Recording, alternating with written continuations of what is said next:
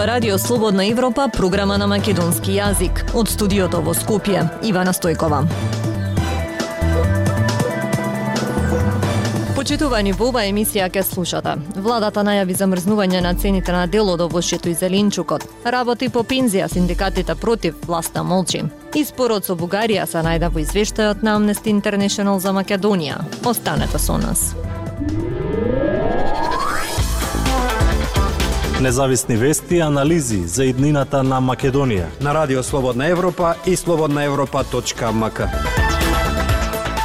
Владата најави дека ќе ги замрзне цените на дел од овошјето и зеленчукот. Земјоделците порачуваат дека во таков случај државата ќе треба да им помогне во трошоците за производство. Граѓаните пак се жалат на високите цени, велат замрзнувањето требало да се направи пред да се покачат цените. Деталите во продолжение. Откако владата најави замрзнување на цените на овошјето и зеленчукот од Асоциацијата на земјоделци велат дека во случај на замрзнување на цените владата треба да интервенира за да помогне во трошоците на земјоделците при производството. На тој начин се слагаме да бидат замрзнати цените и да бидат овај уште пониски во во мислам во во во, во државата, така? Да ние како земјоделци не смееме тоа да го подне мислам да, да на на терет наш. Его тоа ќе се биде на терет на државата. Вели Перо Стојковски председателот на Асоциацијата на земјоделци. Граѓаните пак што ги анкетиравме во центарот на Скопје велат дека цените се превисоки дека замрзнувањето требало да се направи многу порано пред да се покачат цените. Па високи се, не, не е за коментар. Да, не можеме порано сме можеле да си приуштиме да си земеме нешто. Мислам прикладни цени, ова е мизерно. Да се намала по-хитно, а нека им дадат бенефиции на луѓето што ги произведуваат. Тоа е многу важно. Да не страдаат тие што ги ствараат, а владата нека партиципира, нека донира на тие, а луѓето да има да јадат. И сега по два денара, три, четири, пет денара намала цената и се иде па се слика на телевизија. Па како не го е страх? Како не го е срам? Седа ве кухи и намала цените во дупло доле, тоа ќе ги замрзне цените. Кажува плата покачил, каква плата? Дека плата, тоа е срамота, Кревота. Пензионери по 8009 има пензија. Шум ја дал по 500 денар. Тоа е кревота. Министерот за економија Кришник Бектеши денеска најави дека најверојатно утре на владина седница ќе се донесе одлука за замрзнување на цените на хигиенските производи, а во текот на оваа недела ќе бидат замрзнети цените на дело до овошјето и зеленчукот.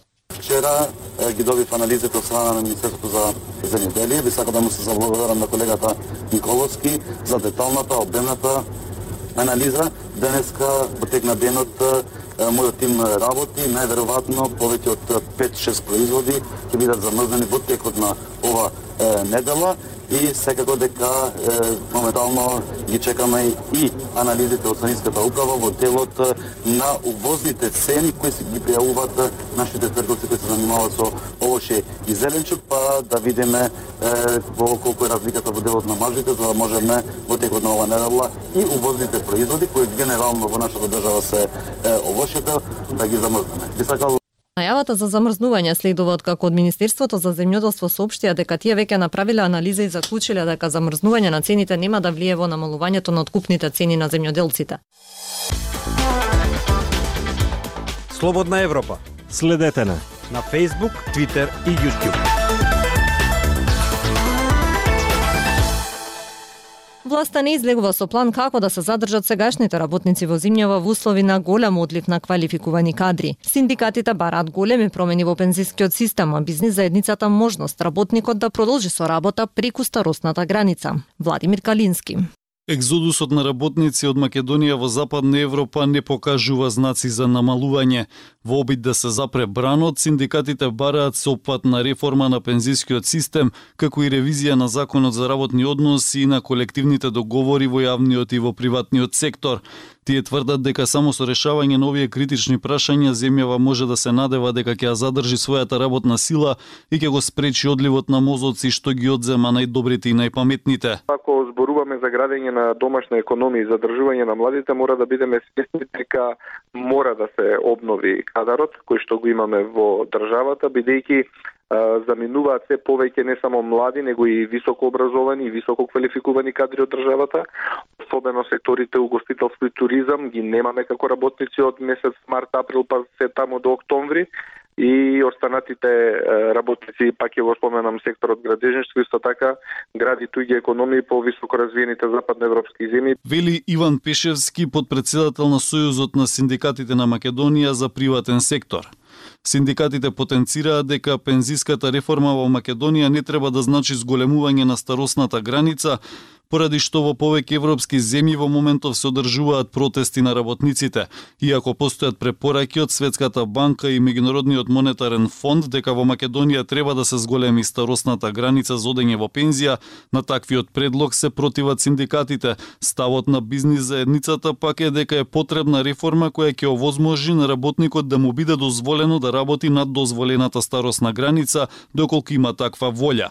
Според Миле Бошков од Конфедерацијата на работ работодавачи, овој момент е клучен да се направи флексибилност на пазарот на трудот со оглед на моменталните разговори за законот за работни односи меѓу Министерството за труд и социјална политика, Бизнис конфедерацијата, Организацијата на работодавачи, Конфедерацијата на слободни синдикати и ССМ. Така треба да се направи да биде слободен избор на работникот кој се чувствува дека може да работи и да предонесе да работи. Оние кои се истрошени во трудоинтензивните дејности и за тие може да се направи мерка да одат порано на на во пензија или во одредениот рок. Вели Бошков, синдикатите велат дека работниците во земјава мора да добијат фер услови за работа и достоинствени плати. Реформата на пензискиот систем според нив треба да значи можност за предвремена пензија со наполнет стаж од 35 години за жени и 40 години за мажи, односно да не мора да ја чекаат старосната граница за пензија од 62 години за жени и 64 години за мажи. Овој предлог на ССМ е од 2020 година, но владата не прифаќа да го имплементира. Министерството за труд и социјална политика за сега молчи за тоа дали во владата се планираат нови модели за пензионирање. Од министерството не одговорија на прашањата на Радио Слободна Европа дали се планираат некакви реформи за задржување на работниците. Дайте ни 15 минути и ние ќе ви го дадеме светот. Слободна Европа.мк Во 2023 се одбележуваат 75 години од Универзалната декларација за човековите права. Да не чекаме светот повторно да гори за вистински да живееме според слободите и принципите кои дојдоа по цена на милиони животи. Наведува Амнести во извештајот за човекови права во 2022 година. Деталите од Зорана Гаджовска-Спасовска. Меѓуетнички тензии влушени со говорот на омраза. Законот за заштита на жените од насилство не беше целосно спроведен. Ромите се подложни на сегрегација во образованието. Припадници на ЛГБТ и заедницата се соочуваат со физички напади. Ова се само дел од нотираните состојби во Македонија во извештајот на Amnesty International за 2022 година. Во овој годишен извештај се и најновата присуда за поранешниот премиер Никола Груевски. Состојбата со мигрантите и бегалците, семејното насилство, деградација на животната средина, слободата на медиум филмите, прашањето на исчезнатите во конфликтот во 2001 како и македонско-бугарскиот спор. Бугарија продолжи да се противи на пристапувањето на Северна Македонија во Европската Унија, тврдејќи дека незината историја, културен идентитет и јазик се бугарски. Решението предложено од Франција вклучуваше признавање на бугарското малцинство во уставот за прв пат. Ова беше дочекано со големи јавни протести во јули од политичката опозиција. Во септември Европската комисија иницираше процес на проверка за евентуално членство во Европската Унија.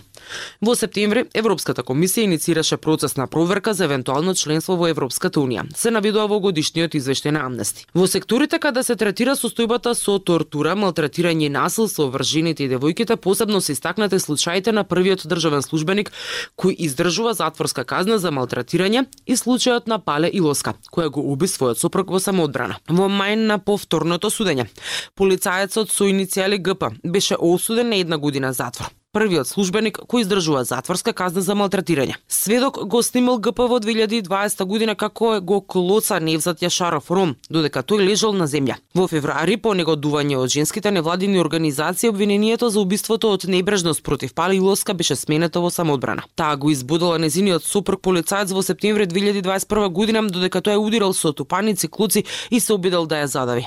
Соседите и семејството сведочија дека постојано го пријавувале неговото насилство во полиција, која не реагирала, стои во извештајот на Amnesty International. Организацијата го нотира и новиот кривичен законник, предложен во јули 2022 година, кој вклучува одредби за заштита на правата на новинарите, вклучително и зголемена казна за напад, врзнив или убиство и ги обврзувал властите да покренат гонење. Во делот право на живот организацијата го издвојува отварањето на постапката против двајца управители на болницата во Тетово и еден лекар, обвинети за смрт на 12 пациенти и двајца нивни роднини за време на пожарот во Тетовската модуларна болница. Извештајот е поопширен во делот на правата на ЛГБТ заедницата и дискриминацијата на ромите. Во март, немајќи парламентарна подршка, владата нагло го повлече нацрт законот за признавање на полот подржан од невладините организации од 2021 година, која предвидуваше транс луѓето законски да го променат својот родов идентитет преку поедноставна нотарска постапка. 2022 година беше пресвртница за меѓународниот поредок, но немаше пресвртница на фронтот за човековите права. Со руската агресија врз Украина продолжи да се дестабилизира веќе со децени ослабнатиот меѓународен мултилатерален систем. Актуелности свет на Радио Слободна Европа. Штракањето со нуклеарно оружје нема нужно да промени ситуацијата во врска со војната во Украина, пишуваат светските медиуми, откако Путин објави дека ќе складира и распоредува оружје со осиромашен ураниум во Белорусија. Имал Златков. Најавата на рускиот председател Владимир Путин дека ќе распореди тактичко нуклеарно оружје во Белорусија е последниот обид на Москва да се закани со ескалација на тензиите со САД и Европската Унија. Сепак штрахањето со нуклеарно оружје и покрај заплашувањето нема нужно да ја промени ситуацијата во врска со војната во Украина, пишуваат светските медиуми. Во саботата на 25 март, Путин рече дека работата за изградба на складиштето за тактичко оружје во Белорусија ќе биде завршена на 1 јули, споредувајќи го овој потек со американското распоредување нуклеарно оружје во Европа, пишува Financial Times. Иако Путин изјави дека Русија нема да ја отстапи контролата на тактичкото нуклеарно оружје на Белорусија или да ги прекрши незините обврски за неширење, одлуката е, како што оценува Financial Times, еден од најзначајните чекори преземени од Кремљ со својот нуклеарен арсенал, откако започна инвазијата на Украина пред повеќе од една година. Рускиот председател рече дека одлуката за распоредување е одговор на долгогодишното барање на белорускиот лидер Александар Лукашенко, кој дозволи на Русија да ја користи неговата земја за да ја нападне Украина. Тука нема ништо необично. Пред се Соединетите држави го прават тоа со децении. Тие го поставија своето тактичко нуклеарно оружје на териториите на шест нивни сојузници во Европа. Изјави Путин. Од почетокот на инвазијата врз Украина, Путин редовно упатува прикриени закани дека ќе ги искористи сите расположливи средства за да ги одбрани освоените територии пишува Financial Times. Најавата на Путин за испраќање тактичко нуклеарно оружје во Белорусија се заканува да ги зголеми тензиите со Соединетите држави и Европската унија додека неговите сили водат војна во Украина. Оценува New York Times. Иако рускиот лидер постојано споменуваше можноста за користење нуклеарно оружје од почетокот на инвазијата на Украина, американските власти велат дека не виделе никакви потези од Русија за предвижување или употреба на нуклеарно оружје и веруваат дека ризикот од нивна употреба е мал.